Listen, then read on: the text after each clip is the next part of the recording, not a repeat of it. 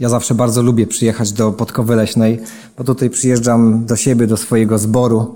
I dobrze jest też mieć kilka takich swoich zborów, swoich miejsc, swoich domów. I tak właśnie jest, kiedy służymy Ewangelii, kiedy chodzimy z Panem Jezusem, to okazuje się, że tych domów nam naprawdę przybywa. Tych serdecznych miejsc, do których można przyjechać, przyjaznych ludzi, którzy się naprawdę ciepło przywitają. Bardzo lubię zbór w Podkowie Leśnej. I może właśnie dlatego, że w ubiegłym tygodniu w Częstochowie było duże wydarzenie, festiwal, przy którym było dużo e, wysiłku, pracy, zaangażowania, to pomyślałem sobie, że tak sobie odpocznę w domu tydzień później i dlatego przyjemnie jest być razem z Wami. Ale temat, który chciałbym podjąć jest e, nie z tych takich e, lekkich, takich E, prostych, takich, do których chętnie się e, wraca. Dzisiaj będzie trochę trudniejszy temat. Ale tak jak to w życiu i w rodzinie. Czasem są tematy łatwiejsze, te może bardziej lubimy, a czasem są trudniejsze. Dzisiaj ten z tych trudniejszych.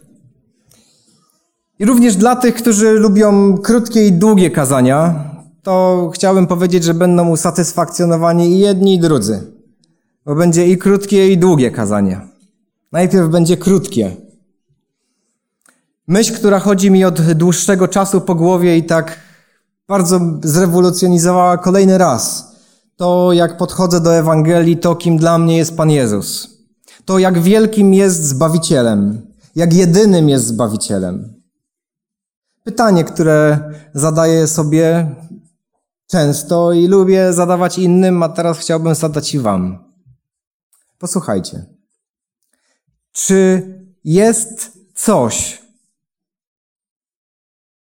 co możecie albo powinniście zrobić dla swojego zbawienia? Bardzo proste pytanie. Czy jest coś, co możecie albo powinniście zrobić dla swojego zbawienia? Czy jest, pomyślcie sobie, czy jest w waszym życiu coś, co jeszcze gdzieś tam na liście waszych zadań, spraw do załatwienia, być może coś, czego nie powinniście robić.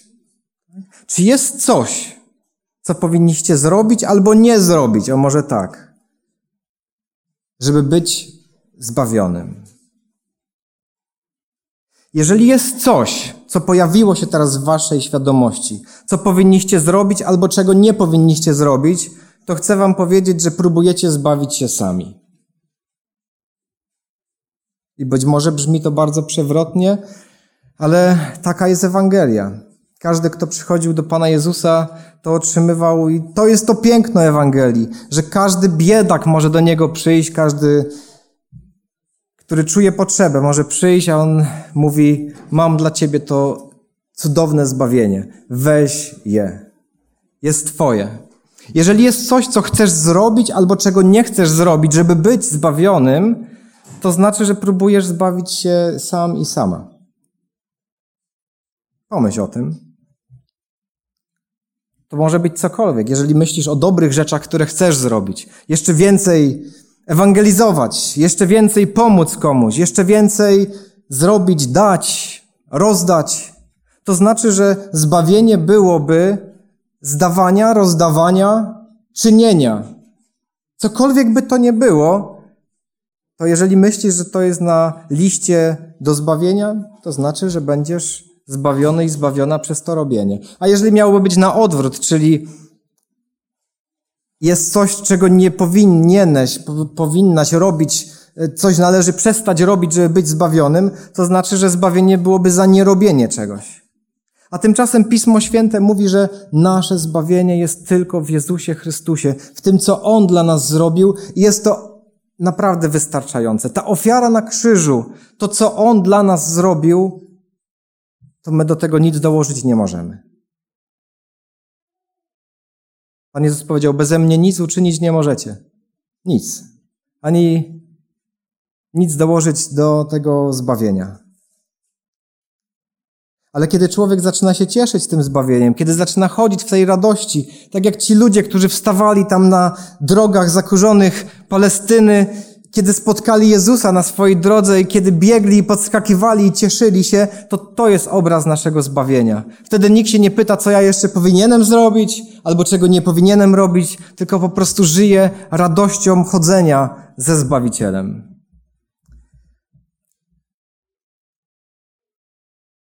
I teraz myśl dzisiejsza. Odwaga i poświęcenie. Chciałbym rozpocząć od pewnej biografii.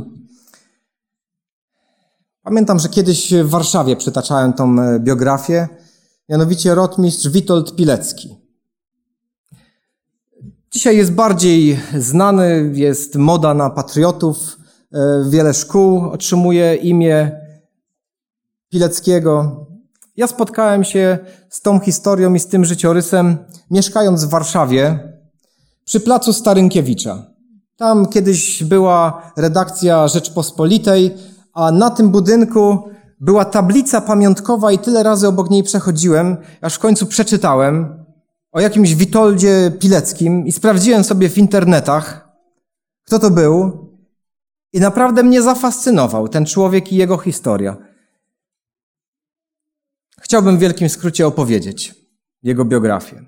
Urodził się w północnej Rosji, ponieważ jego dziadek został tam zesłany za jakieś kolejne niepokorne zachowania w stosunku do ówczesnych władz, ale w jego domu bardzo dużo mówiło się o patriotyzmie i to też jest jeden z dzisiaj bardzo obecnych, gorących tematów, o których się mówi i do niego też chciałbym się odnieść.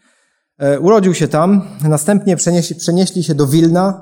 Tam wstąpił do harcerstwa i chociaż to było zabronione, to mając jakieś 14-15 lat założył swoją pierwszą e, drużynę, a później, e, kiedy trwała pierwsza wojna światowa, już gdzieś w pierwszych walkach, i to nam się być może kłóci z chrześcijaństwem, jak to chrześcijanin gdzieś tam z szabelką, z jakimś karabinem, ale pozwólcie, że też trochę później się do tego odniosę walczył. A później przychodzą wojny z bolszewikami, czyli lata 18, 18 do 20 i on już jest bardzo aktywny. Jest oficerem w wojsku, e, ma swoją drużynę, z którą walczą, odnosi kolejne sukcesy, dostaje kolejne medale.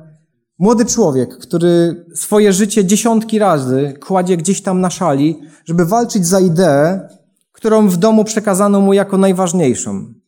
Walka o ojczyznę.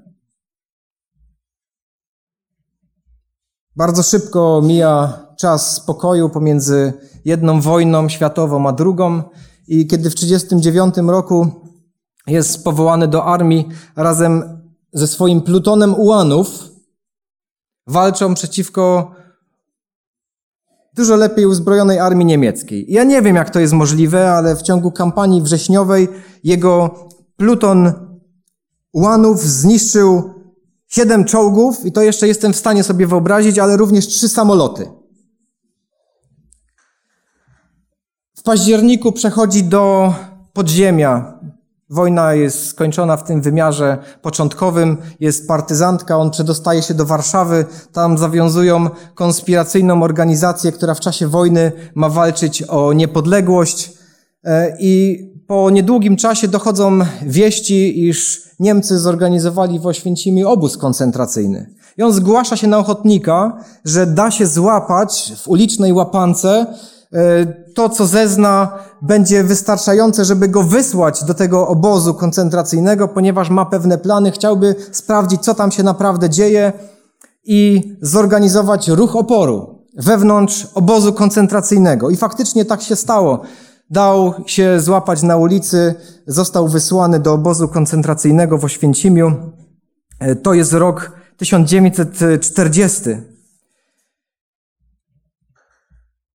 We wrześniu znalazł się w Oświęcimiu. A oto plany, które miał, co chciał realizować. Chciał podtrzymywać na duchu swoich kolegów. No, powiedzmy, że to bylibyśmy w stanie zrobić. Ale kolejne plany są następujące. Przekazywanie współwięźniom wiadomości z zewnątrz obozu, potajemne zdobywanie żywności i odzieży oraz jej rozdzielanie wewnątrz obozu, przekazywanie wiadomości poza druty Auschwitz, przygotowywanie własnych oddziałów do opanowywania obozu podczas ewentualnego zaatakowania go z zewnątrz przez oddziały partyzanckie. Gdyby doszło do próby uwolnienia, to oni mają być już gotowi do walki. To były jego plany działania w obozie koncentracyjnym. Spędził tam prawie trzy lata, kiedy ludzie normalnie byli w stanie wytrzymać około 3-4 miesięcy.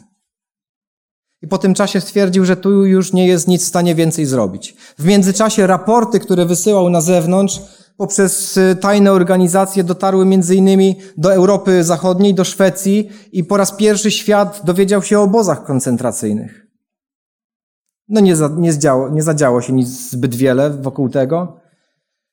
Być może przypomina nam to sytuację, kiedy dzisiaj w Korei Północnej też są obozy pracy, obozy koncentracyjne i, i tak jakoś cały świat niewiele robi w tym kierunku. Witold Pilecki postanowił uciec e, z obozu koncentracyjnego i tak jak postanowił, tak to zrobił. W 1943 roku uciekł. Służył w oddziale AK, gdzieś tam partyzantka po lasach, ale kiedy dowiedział się, że w Warszawie będzie powstanie, przedostał się do Warszawy i brał udział w powstaniu warszawskim. Pomimo wszelkich dyskusji, czy słuszne, czy niesłuszne, zupełnie to e, pomijamy. W ogóle ta dyskusja nie ma jakiegokolwiek patriotycznego wymiaru, zaraz to spuentuję. Chciałem tylko przedstawić postać człowieka niezwykle odważnego, więc bierze udział w powstaniu warszawskim, w którym zginęło kilka set tysięcy ludzi. On w końcu trafia do niewoli. W obozie jenieckim przebywa przez niedługi czas, ponieważ jest wyzwolony e, te, ta część, w którym się znajdował przez aliantów, ale on od razu stawia się gotów do walki i widzimy go za chwilę we Włoszech, gdzie walczy z korpusem polskim. I wtedy wojna się kończy. A Pilecki postanawia, że wraca do Polski i dalej będzie wspierał ideę, ideę Polski niepodległej, Polski, e, która jest e, Polską. I znowu pomijając wszelkie tego typu rozważania patriotyczne, słusznie, niesłusznie, odważny człowiek, który pomimo śmiertelnego zagrożenia robi to, co uważa, to co wie, że jest słuszne, że jest ważne. Nie mija zbyt wiele czasu, pomimo ostrzeżeń wciąż jest w Polsce, został aresztowany w 1946 roku. Dokładnie rok trwały przesłuchania przez ówczesną Ubecję i NKWD. Kiedy miał okazję widzieć się z żoną, powiedział, że to, co działo się w Oświęcimiu, to było igraszką. W porównaniu z tym, co działo się podczas przesłuchań w Nowej Polsce. W 1947 roku zostaje skazany na śmierć i wkrótce potem stracony, zakopany gdzieś tam jego, jego ciało na wysypisku śmieci. Dopiero w latach 90. przypomniano sobie o Pileckim i pośmiertnie odznaczono, zrehabilitowano, anulowano wszelkie wyroki. Taki człowiek, odważny ponad wszelką miarę, zdecydowany, poświęcony. Ja osobiście uważam, że nasza, zdecydowanie uważam, że nasza ojczyzna jest w niebie. I o tą ojczyznę powinniśmy zabiegać. I ona powinna być naszym kierunkiem uwagi. Natomiast w kraju, w którym przyszło nam żyć dzisiaj czy jutro, powinniśmy o niego dbać, żeby tutaj był pokój, spokój, żeby było dostatnio tak mnie, jak i innym. Zatem Dbamy o miejsce, w którym Pan Bóg nas postawił, natomiast nasza ojczyzna jest w niebie. Apostoł święty Paweł w swoim liście do Tymoteusza, drugim rozdziale, w pierwszych czterech wierszach napisał tak. Przede wszystkim więc napominam, aby zanosić błagania, modlitwy, prośby, dziękczynienia za wszystkich ludzi, za królów, za wszystkich przełożonych, abyśmy ciche i spokojne życie wiedli we wszelkiej pobożności i uczciwości. Jest to rzecz dobra i miła przed Bogiem, Zbawicielem naszym, który chce, aby wszyscy ludzie byli zbawieni i doszli do poznania prawdy. To apostoł Paweł pisał o czasach, kiedy światem, jego krajem rządzili cesarze, cesarowie, którzy uważali siebie za bogów, a chrześcijanie wcale lekko nie mieli. A on mówi, módlmy się za nich, żeby było nam dobrze, żebyśmy mogli głosić Ewangelię. Chociaż w jakichś trudach, ale żebyśmy mogli głosić, żeby jakiś kąt dla nas był. Tymczasem tak łatwo nieraz jako chrześcijanie dajemy się wciągnąć w różne dyskusje polityczne, nawzajem się ludzie obrażają. To kompletnie nie ma sensu i to nie jest kierunek, o czym mówi nam Pismo Święte. Być może tam ci chrześcijanie jacyś tacy oderwani byli od rzeczywistości. Dawali się pobić, dawali się na arenach pożreć przez dzikie zwierzęta, tak jakoś nie protestowali. Ale ja w nich widzę ludzi, którzy naprawdę wierzyli. Naprawdę całym sercem, gorąco w tą niebiańską ojczyznę, dla której żyli i dla nich to była najważniejsza ojczyzna. A tutaj to tak na chwilę. I jeszcze raz podkreślę te słowa apostoła Pawła. Należy dbać o tą ojczyznę, gdziekolwiek nam przyszło mieszka, mieszkać. Modlić się o tych, którzy rządzą. Nie złorzeczyć, nie oskarżać. To jest nasze zadanie jako, jako chrześcijan.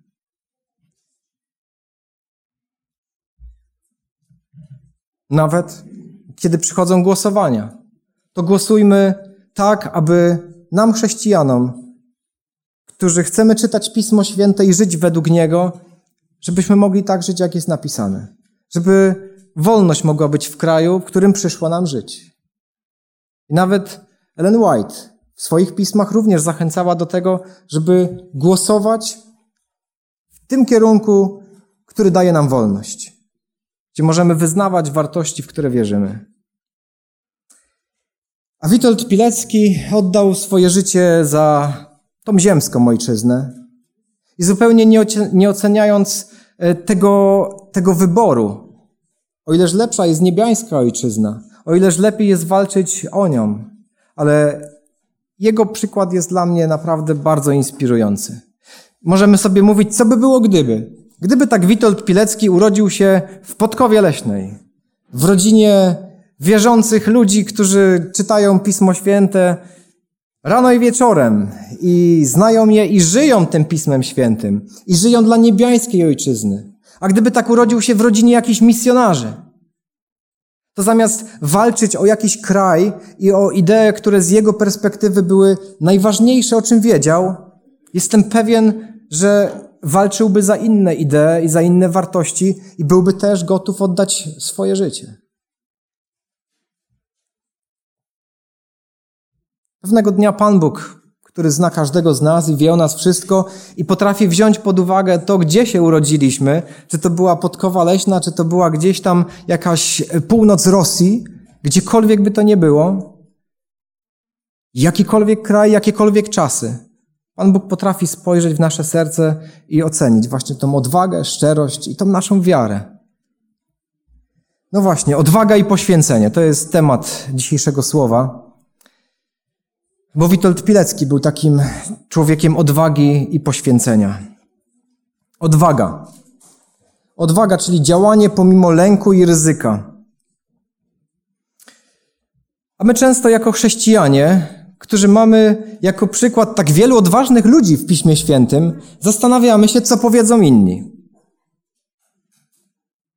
Czy to, co zrobię, to nie przysporzę sobie jakiejś biedy w pracy, może wśród sąsiadów? Dla mnie takim biblijnym przykładem odwagi wciąż nie mogę się zdecydować, który bardziej to król Dawid i prorok Eliasz.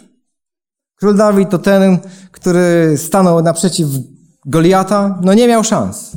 No jak tu walczyć z Goliatem? Ale ufał Bogu.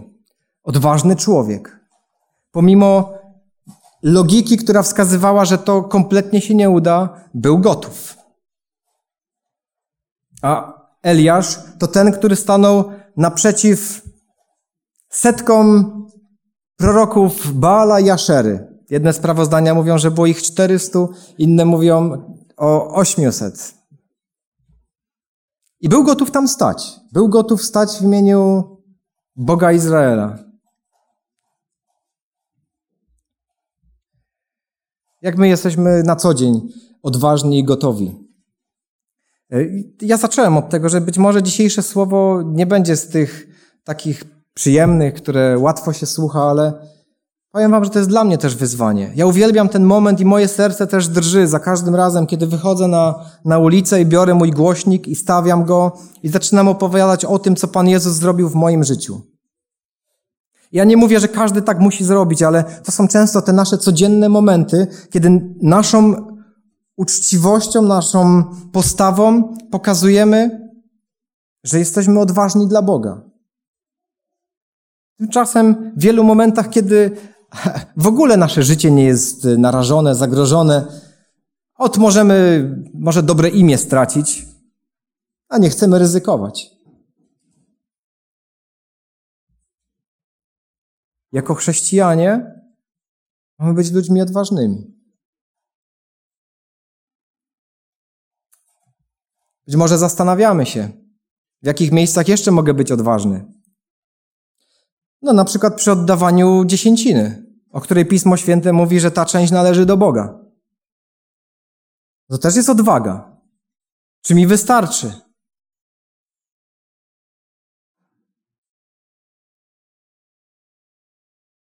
A może kiedy będę przestrzegał przykazań Bożych, to też życie będzie trudniejsze. To też jest odwaga, żeby powiedzieć, w co wierzę i dlaczego wierzę. Nigdy ludzie, którzy byli odważni i stali po Bożej stronie, nie mieli lekko. Wystarczy spojrzeć od Noego, z którego cały ówczesny świat się naśmiewał, przez wszystkich proroków, którzy się pojawiali kiedykolwiek, przez Pana Jezusa, który dlatego, że był odważny i mówił o swojej relacji z Ojcem, nie był popularny w swoich czasach i ludzie religijni zgrzytali zębami na niego, aż w końcu go ukrzyżowali. I kiedykolwiek pomyślimy o odważnych ludziach, którzy gotowi są powiedzieć to, co czytają w Piśmie Świętym, nigdy nie będą mieli lekko. Kiedy słyszymy w naszym życiu, chodź za mną, tak jak Pan Jezus powiedział do swoich uczniów, czy jesteśmy gotowi z odwagą pójść, nieraz zostawić wszystko? Może dobry biznes, może jakąś inną spokojną posadę, miejsce, gdzie jest tak, tak dobrze, tak spokojnie. Pan Jezus mówi: pójdź za mną. To jest odwaga.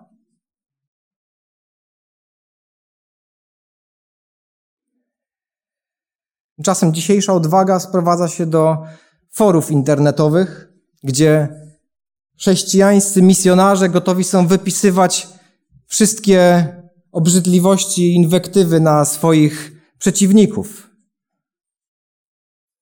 Wiedzą, co jest w głowie i w sercu innych ludzi, innych chrześcijan. Jak się czyta takich odważnych chrześcijan ich poselstwo internetowe, to tak sobie myślę, że chyba nie tak Pan Jezus zamierzał dla chrześcijan w XXI wieku. Prześwietlają duszę, znają intencje wszystkich. Znają wszystkie spiski, gotowi są je obnażyć. I to jest cała odwaga w dzisiejszych czasach. Opowiem Wam teraz przypowieść. Taką wiosenno-letnią, bo nam się zbliża sezon. Jakby ktoś nie wiedział, to zaraz wiosna będzie. A jak wiosna idzie, to niektórzy mają taką duszę ogrodniczą. Ja nawet w tym roku tak troszeczkę zacząłem więcej. To takie przyjemne, jak człowiek coś posadzi, wyrośnie, jakby tak zjeść jeszcze później, to przyjemne jest. E, nieraz spotykam ludzi, którzy robią to w takiej większej skali i oni są pełni euforii, oprowadzając w miejscu, które, które przygotowali i szczepili te drzewka. To jest fantastyczne i ekscytujące. Jest ktoś tutaj, kto prowadzi taki udany ogród? O, jest, Zbyszek jest. No, reszta początkujący, boją się zgłaszać. No ale to jest przyjemne, prawda? Wyobrażacie sobie, macie swój ogród, tutaj rosną takie kwiaty, jak się zbliżymy do nich, to zaczynają pachnieć. Tutaj, tu inne kwiaty ładnie wyglądają. Ogrody są piękne. No, tęsknimy po tej zimie, po tych śniegach, tęsknimy za ogrodami. Tam są drzewa owocowe. Tak? I przyjdzie ten czas, Lato się będzie kończyć, będzie można zerwać. Tutaj taki owoc, tutaj taki, mm, niepryskane, takie swoje, naturalne. Ogród, piękny ogród. Trawa jest ładnie przycięta, są, są ścieżki, jest ławeczka. No naprawdę, ja nie wiem, w które miejsce pójść najpierw. Ale jakoś tak jest, że zawsze się znajdzie kilka osób, wejdą do takiego ogrodu, w lewo, w prawo i zaraz siedzą w kompoście. W każdym ogrodzie jest takie miejsce, najpiękniejszym ogrodzie, gdzieś tam w narożniku, gdzie jest kompost. Gdzie się zbiera te wszystkie trawy ścięte, wszystko co zostaje i nawet ten kompost się czasem przydaje, prawda? Ale, ale nie jest to miejsce, dla którego stworzony został ogród. I tak samo jest z naszym kościołem. Pan Jezus nawet w przypowieści o pszenicy i konkolu mówił o tym, że jedno i drugie będzie rosnąć razem. I tutaj trudno jakieś proporcje wyznaczać. Ja wolę tą proporcję i mam nadzieję, że to tak jak w ogrodzie, że kwiaty, tutaj ładna trawa i też trochę kwiatów, tam drzewa owocowe. I gdzieś tam w rogu jest ten, tylko takie małe miejsce, ale niektórzy właśnie pojawiają się w ogrodzie, raz, dwa, trzy i już siedzą w kompoście. I już tylko głowa wystaje z kompostu i mówią, jakiś dobry kasztan jest. Nie wiem, czy rozumiecie tą przypowieść to, co chcę powiedzieć. W naszym życiu, w kościele jest tyle pięknych rzeczy, które możemy robić. Jak możemy wykorzystywać naszą odwagę. Tymczasem zawsze pojawią się osoby, które wykorzystają ją w zły sposób i zajmą się nie tym, co trzeba. Nie tak jak apostoł Paweł napisał w liście do Filipian, czym się mamy zajmować, czym mamy karmić nasz umysł, tym, co jest piękne, co pożyteczne, co radosne, co dostojne, co przynosi pożytek. Nie kompost. Kompost nie jest celem naszego życia, Kościoła. W liście do Tytusa w pierwszym rozdziale, wiersz 15 i 16 czytamy takie słowa. Dla czystych wszystko jest czyste, a dla pokalanych i niewierzących nic nie jest czyste, ale pokalane są zarówno ich umysł, jak i sumienie. Utrzymują, że znają Boga, ale uczynkami swymi zapierają się Go, bo to ludzie obrzydliwi i nieposłuszni i do żadnego dobrego uczynku nie skłonni. Bardzo brutalne słowa. Na szczęście napisał je apostoł Paweł. Jakoś tak jest, że są ludzie, którzy potrafią się zająć tymi kwiatami i drzewami, a są tacy, którzy do tego kompostu no, nie odciągnie nawet siłą.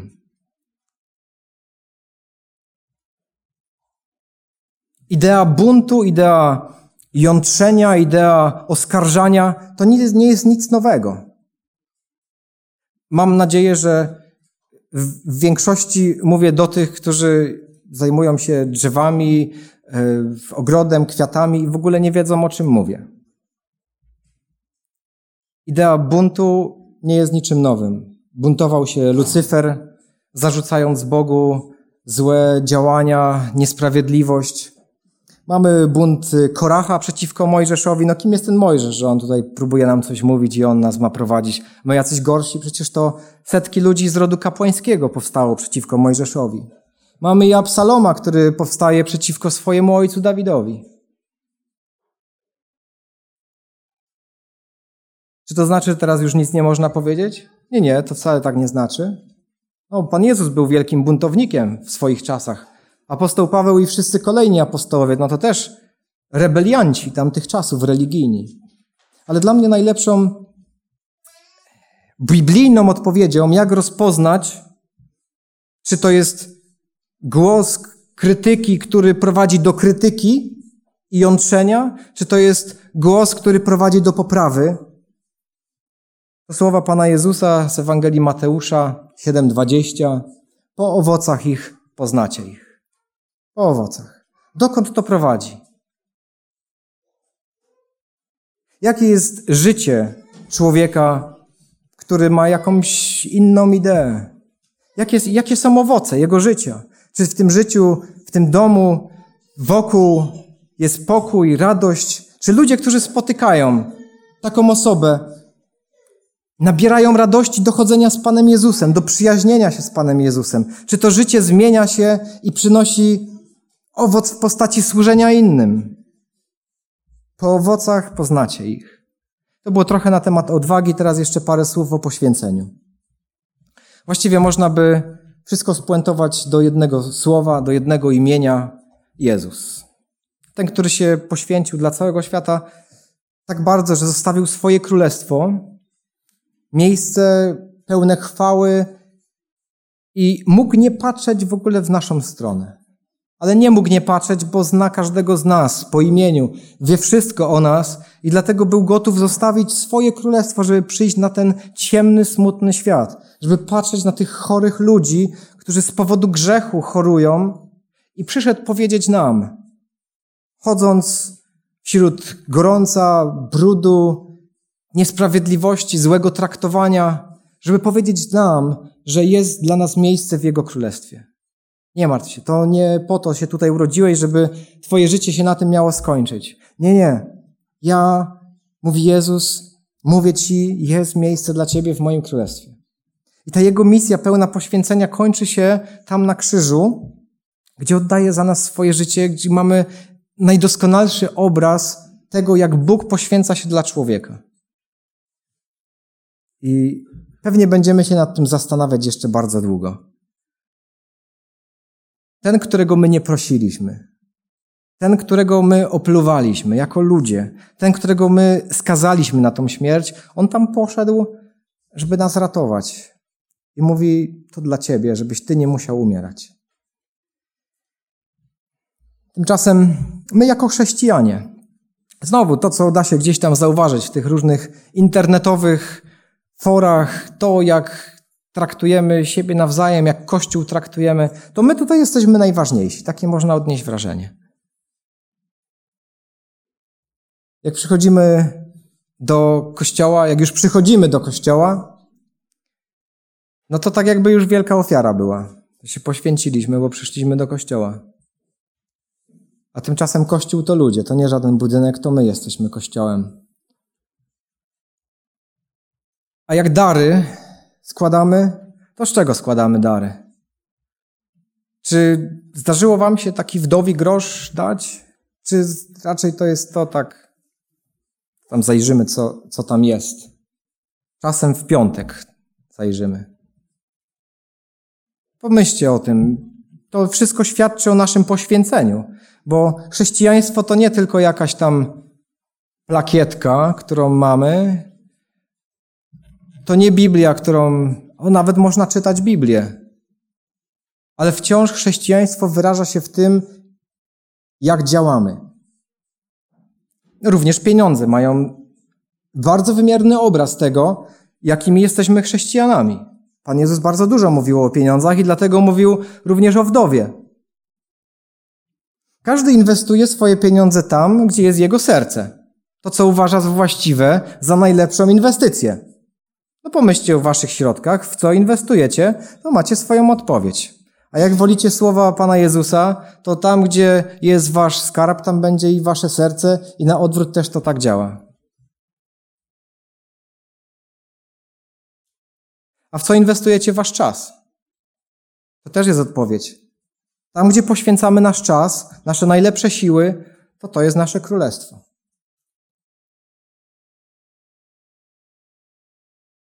Później przychodzi takie wydarzenie, jak na przykład e, festiwal albo jakiś kamp, i, albo nawet nabożeństwo, takie cotygodniowe. I przychodzi zawsze parę osób, które siada i mówią: O, tam leżał kubek. E, tam jakieś dzieci biegały i krzyczały. Jacyś wolontariusze powinni być, którzy będą tego pilnować.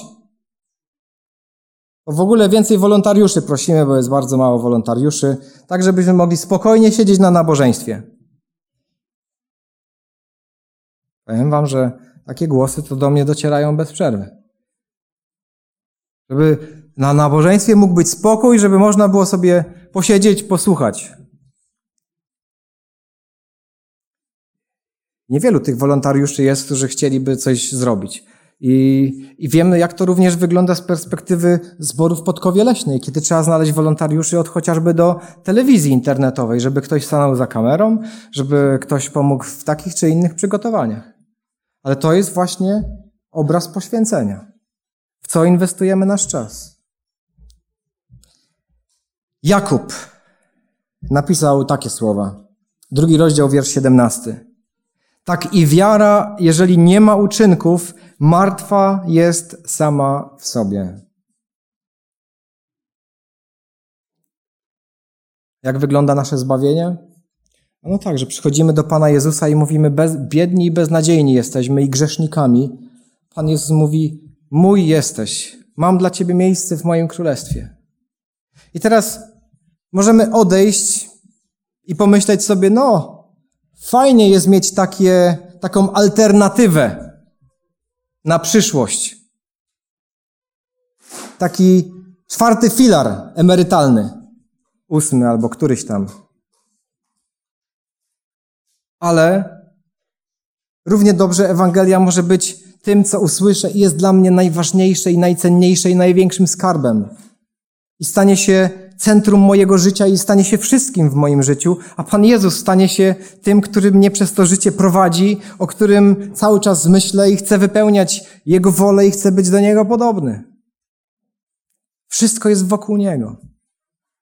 I dla Niego chcę być odważny i z powodu Niego jestem gotów również coś dać, ponieważ dostałem wszystko. Dostałem Jego zaproszenie do Królestwa. Czy zdajemy sobie sprawę, jak cenne to jest? Czasem może na pogrzebie sobie tak przez chwilę zdajemy sprawę, ale tak na co dzień. Jeszcze raz słowa Jakuba, drugi rozdział, 24 do 26 wiersza. Widzicie, że człowiek bywa usprawiedliwiony z uczynków, a nie jedynie z wiary? O, jakie to przedziwne słowa. 500 lat po Marcinie Lutrze. Jak to człowiek ma być usprawiedliwiony z uczynków, nie jedynie z wiary? Ano także nie ma prawdziwej wiary bez prawdziwych uczynków. Nie da się uwierzyć w Jezusa, nie da się przyjąć Ewangelii i zbawienia i, i nie cieszyć się z tego powodu. I powiedzieć sobie, no fajnie, to ja poczekam. Nie da się. Jak ktoś naprawdę uwierzył w Boże Królestwo, w zbawienie, to nie wytrzyma, żeby usiedzieć to będzie odważny dla Jezusa, który był dla mnie odważny i będzie gotów do poświęceń, bo na cóż tu innego poświęcać czas i środki i wszystko, co mam. I to jest odpowiedź Ewangelii. Jezus daje nam wszystko, daje nam siebie, chce z nami chodzić, daje nam stuprocentowe zapewnienie. To nie jest jakaś tam gra i obietnica taka może, może. Zobaczymy, przyjrzymy się. Nie, nie. On mówi, będziesz w moim królestwie. Tak jak ten Łotr na krzyżu to usłyszał, to to są słowa do każdego z nas. Tylko jak to przyjmiemy? Czy naprawdę uwierzymy? Jeżeli uwierzymy, to nie pozostaniemy spokojni. Będziemy chcieli o tym opowiadać. Nasze życie będzie eksplodowało Bożą obecnością. To nie znaczy, że to życie będzie idealne. I tu już kończąc, ostatni przykład Uwielbiam ten przykład i być może już go kiedyś mówiłem i na pewno jeszcze go powiem kiedyś. To przykład dwóch ludzi. To jest już wspomniane dzisiaj. Eliasz i Samson. To jest dwóch ludzi, którzy będą w Bożym Królestwie. Bo tak mówi Słowo Boże.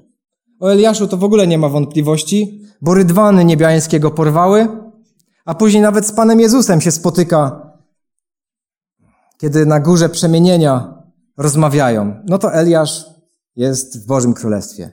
Ale czy Samson, samobójca, ten od oślej szczęki, który tysiące położył, za dziewczynami biegał, jakieś nieczyste pokarmy z mięsa zwierząt nieczystych jadł i w ogóle był w swoich działaniach taki, no, mocno kontrowersyjny.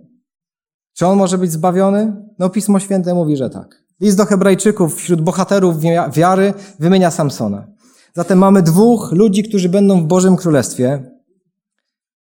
Jeżeli lubicie się porównywać, bo czasem tak mamy, że się lubimy, a to ten taki jest, ja taki nie najgorszy.